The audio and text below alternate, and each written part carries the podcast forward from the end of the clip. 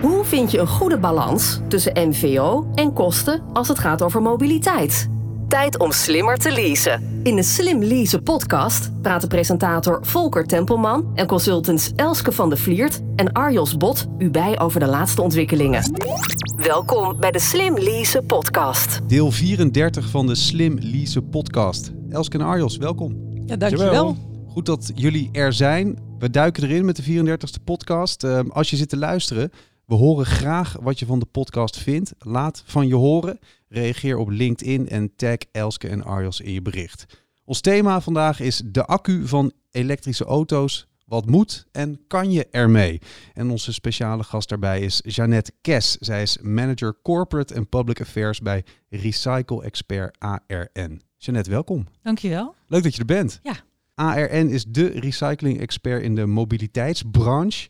Wat doet ARN precies? Het staat voor Auto Recycling Nederland. Wat, wat is uh, jullie business? Uh, wij vullen voor de importeurs in Nederland producentenverantwoordelijkheid in. En dat doen we voor autovrakken en voor batterijen uit elektrische auto's. Wat betekent dat? Dat betekent dat er uh, wetgeving is waarin partijen die producten op de markt zetten, auto's in dit geval of batterijen, er aan het eind van de rit ook voor moeten zorgen dat de batterijen en de auto netjes gerecycled wordt volgens Europese normen. Recycle Expert dus. Uh, jij werkt als manager corporate en public affairs uh, bij ARN. Ik zei net wel even in de inleiding. Waar ben jij vooral mee bezig? Nou, ik ben naast die functie die jij net uh, aangaf, ben ik ook sinds anderhalf jaar manager van recyclen van autobatterijen. Dus dat is de helft van mijn taak zo'n beetje. Wat speelt er op dit moment in recycle land in Nederland? Uh, hoogwaardigheid is een belangrijk uh, aspect. Dus hoe zorgen we er nou voor dat uh, in het kader van de circulaire economie materialen uit auto's, maar dus ook uit batterijen, zo hoogwaardig mogelijk terug in de keten komen. En voor auto's is dat bijvoorbeeld plastics, is een belangrijk materiaal waar we mee bezig zijn.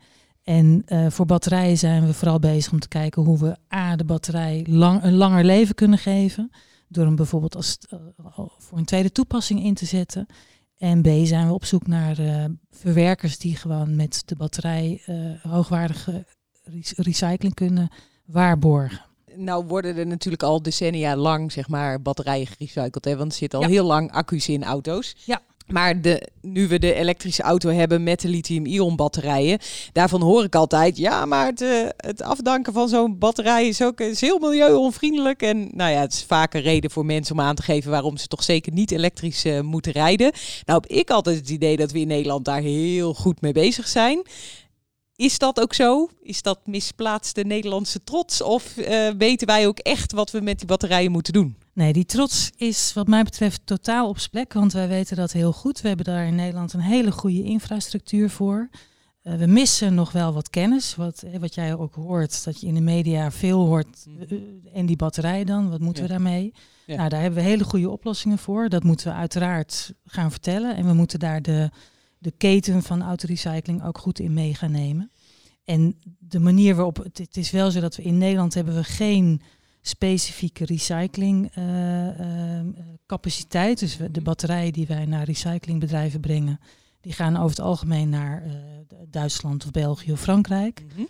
Maar de technologieën die daar inmiddels beschikbaar zijn, die zijn van dusdanig hoge kwaliteit dat binnen nu in een aantal jaren we bijna alle stoffen van die batterijen kunnen terugwinnen. Okay. En wat wordt er gedaan met de stoffen als ze niet teruggewonnen worden? Wordt, is het dan, wordt het nog opgeslagen zo, zo, hè, zodra we er wel wat mee kunnen? Of gaat het dan uh, de verbrandingsoven in? Of, uh...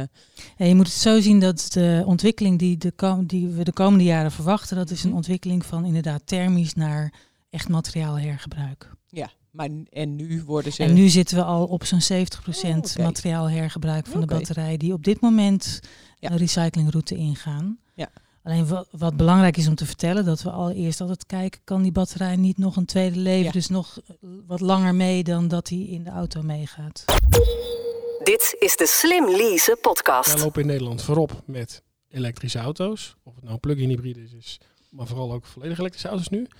Maar dus de functionaliteit, of de, de tools, de, de, de technieken om dat goed te recyclen, hebben we niet binnen onze eigen landsgrenzen. Is dat omdat we ook niet zo heel veel auto's produceren misschien? Nou, wat wij niet alleen voor de batterijen, maar ook voor andere materialen merken, is dat de, de, de recyclingindustrie in Nederland is, eh, is, is, is goed ontwikkeld.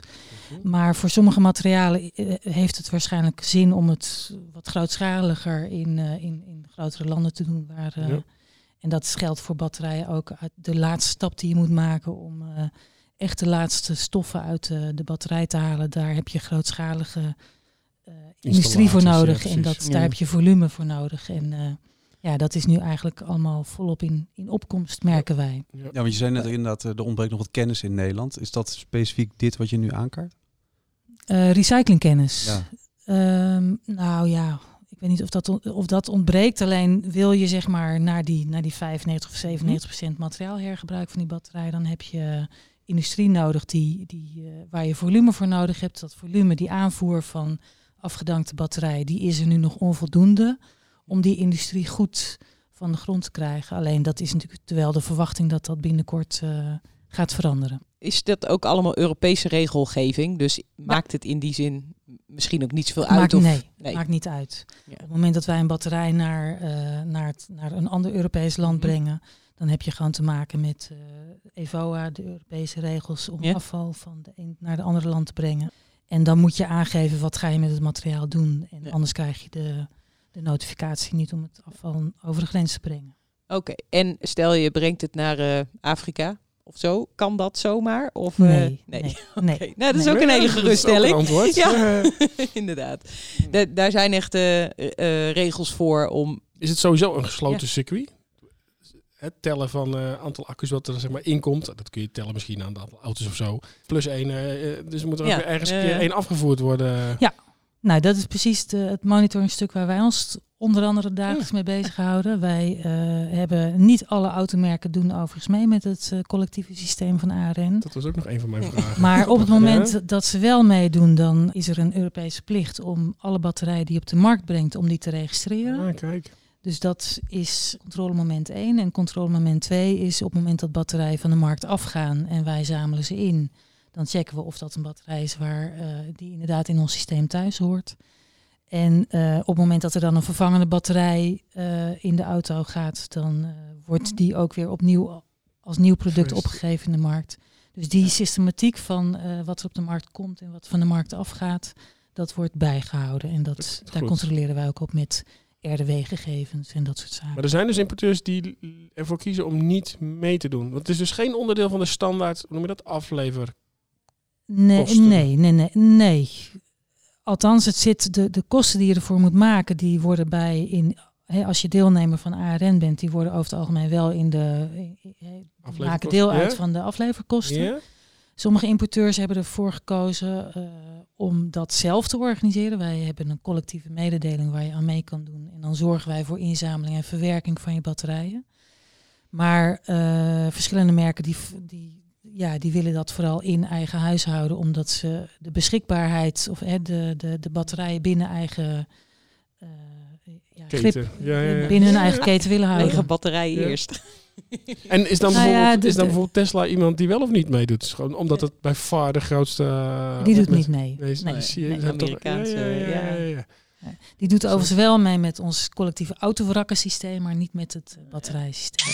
Dit is de Slim Lease podcast. En eh, dan zei je net al van, nou, alles wordt geregistreerd. En je zei al van, ja, je kunt nog veel meer dan die batterijen gewoon uit elkaar halen en eh, Mhm. hè, afdanken. Want je kunt ze ook een tweede leven geven. Exact. Ja. Ja, en dan worden ze ook weer geregistreerd als zijnde in een tweede leven? Of wat kun je er allemaal mee? En hoe, wordt dat, hoe gaat dat verder in die keten? Ja. Nou, wat natuurlijk heel belangrijk is dat op het moment dat een, dat een batterij op de markt gezet, dan valt die onder de verantwoordelijkheid van de producent. Ja. En op het moment dat je er dan wat anders mee gaat doen dan in die auto, Mhm. dan zul je begrijpen dat de autoproducent of de auto-importeur die verantwoordelijkheid niet meer kan en ook Ja. wil dragen. Ja. Dus we hebben nu met een aantal bedrijven in Nederland eh, een constructie, eh, samen ook met de overheid, eh, ingezet waarbij we ehm, eh, bedrijven die nemen de oude batterij aan, de afgedankte batterij, Ja. als afval. Dus dan moet je een afvalvergunning hebben. Die maken Ja. daar een nieuw product van en die zetten dat nieuwe product als nieuw product weer op de markt en worden daarmee dan ook de nieuwe producent van het product en worden de nieuwe verantwoordelijke partij om aan het einde van het leven van dat product dan ook weer te zorgen voor een inzamelsysteem. Ja, inderdaad. Ah, En, kun je voor onze luisteraars eens een voorbeeld geven wat toepassingen zijn eh, van, laten we zeggen, gerecyclede batterij, als ik het zo mag zeggen. Ja, een batterij bestaat eigenlijk uit in serie geschakelde modules, cellen. Die worden uit, de- uit elkaar gehaald. Die modules die worden eh, getest om te kijken wat hun status is. En die worden weer in een andere constellatie aan elkaar gezet, zodat je bijvoorbeeld een energieopslag hebt voor zonnepanelen of eh, ja, voor, alle, voor een- off-grid eh, container om eh, batterij voor buurt in op te slaan. Dus dat zijn ja, legio toepassingen. En dan kunnen ze nog vele jaren mee. Want een, een auto en een auto-accu, daar wordt nu Mhm. over gesproken. Ik heb er nog geen ervaring mee, maar tien jaar moeten ze in ieder geval meegaan. En op een gegeven moment nou ja, is of de auto op of de accu op. Dat Ja. laat ik even het midden. Of de combinatie, kan ook nog. Eh, nou, maar- dat- is ook wat genuanceerder, denk ik. Ah.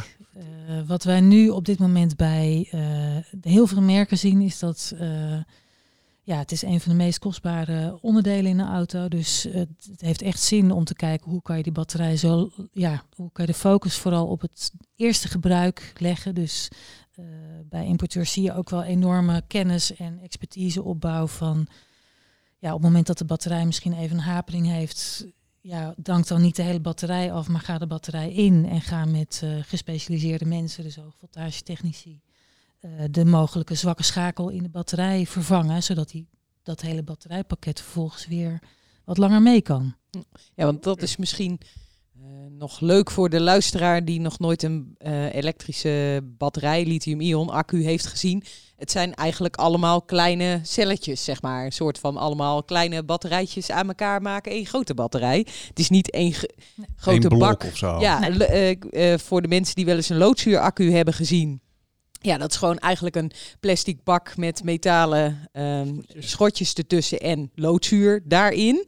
Ja, eh, daar kun je weinig zeg maar, meer mee doen als dat er eenmaal zit. En tegenwoordig hebben we ook gel-accu's, daar is dan helemaal niks meer aan eh, te doen.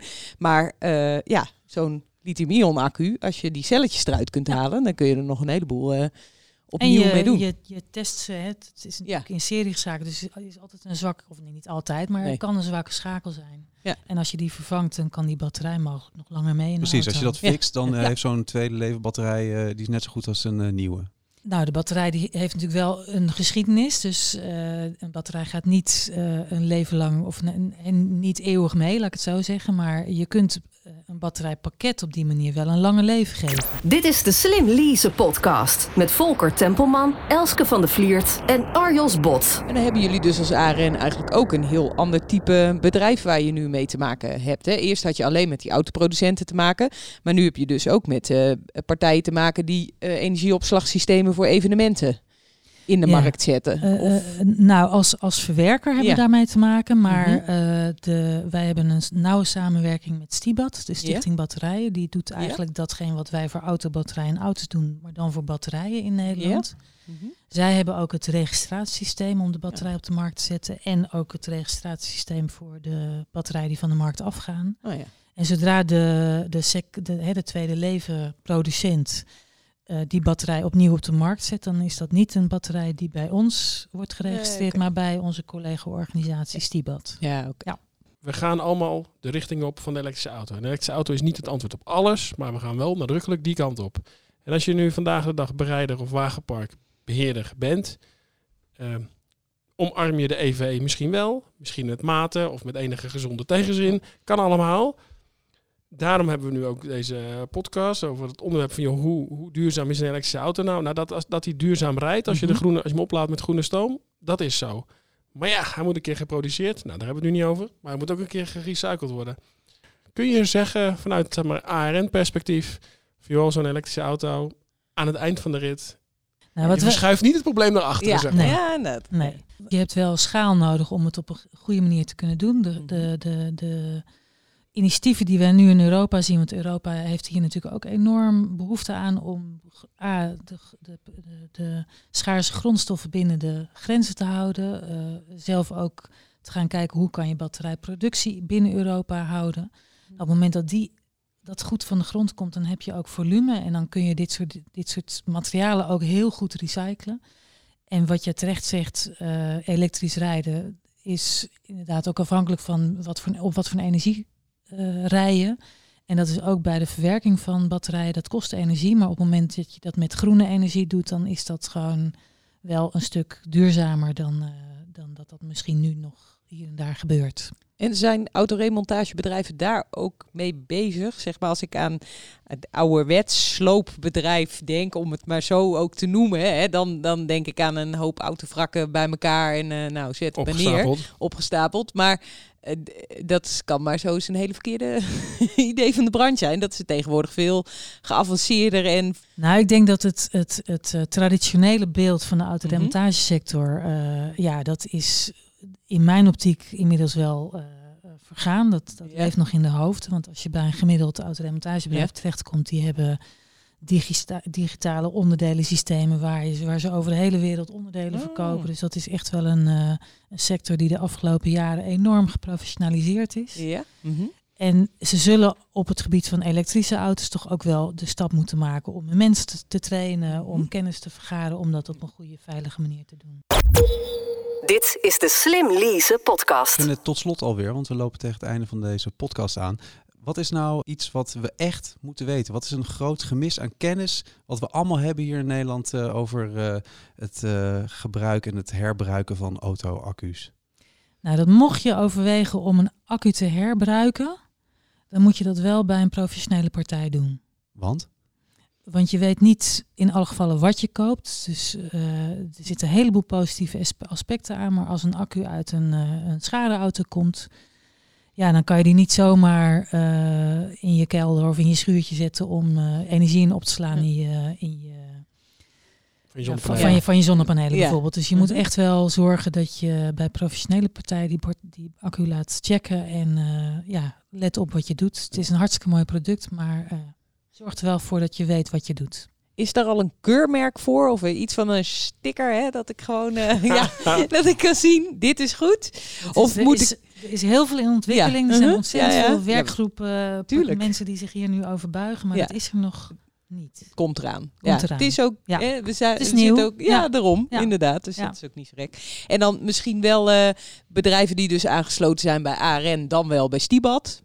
Dan zitten we in ieder geval goed. En we zijn altijd telefonisch bereikbaar voor vragen. Dus Ja. eh, wij zeggen bij twijfel, bel ons, wij weten de kanalen. Ja. En eh, dan komt het als het goed is op zijn pootjes terecht. Ja. En dat kan bijvoorbeeld gewoon eh, via de site eh, van ARN. Eh, wat is die site? Is dat van arn.nl? Ja. Ja. Ik heb ook nog naar jou eh, doorvragen. Ja hoor, mag. Want dat vinden we leuk als je ook zit te luisteren nu naar de podcast. eh, hoe kunnen mensen met jullie allemaal in contact komen? Dus kunnen ze jullie gewoon een mailtje sturen? Ja, Elske? zeker. Ze kunnen mij mailen op vandevliert.zero-e.nl. En jou, Arjos? Maar eh, ik kan ook gemaild worden hoor. Ja, kan gewoon. marios.bot.arval.nl Als je net mogen we jou ook mailen of eh, Ja, liever via een andere weg? Nee, dat is uh, janet.kes.arn.nl. Ook via LinkedIn allemaal, jongens? En Ja. allemaal hoor. daar, eh, Ja, terug te ja, allemaal Wat goed. Nou, dit was de, namelijk eh, deel 34 van de Slim Lease podcast. Speciale gast was Jeannette Kes, manager corporate en public affairs bij Recycle Expert ARN. Jeannette, dankjewel. Graag gedaan. Goed dat je er was. Luisteraars, jullie ook bedankt voor het luisteren. We vinden het namelijk leuk dat je luistert naar de Slim Lease podcast. Arjos, voor iedereen die nog meer wil horen, waar kan je al die podcasts terug horen? op www.slimleasepodcast.nl Ja, en we horen ook graag eh, wat je van de podcast vindt. Laat van je horen. Je kan iedereen dus mailen, hoorde je net. Eh, je kan ook eh, op LinkedIn reageren en tag dan Elske Arjos en Jeannette in je bericht. Tot zover deze aflevering van de Slim Lease podcast. Zorg dat je op de hoogte blijft van alle ontwikkelingen op het gebied van zakelijke mobiliteit. En luister ook naar de volgende aflevering.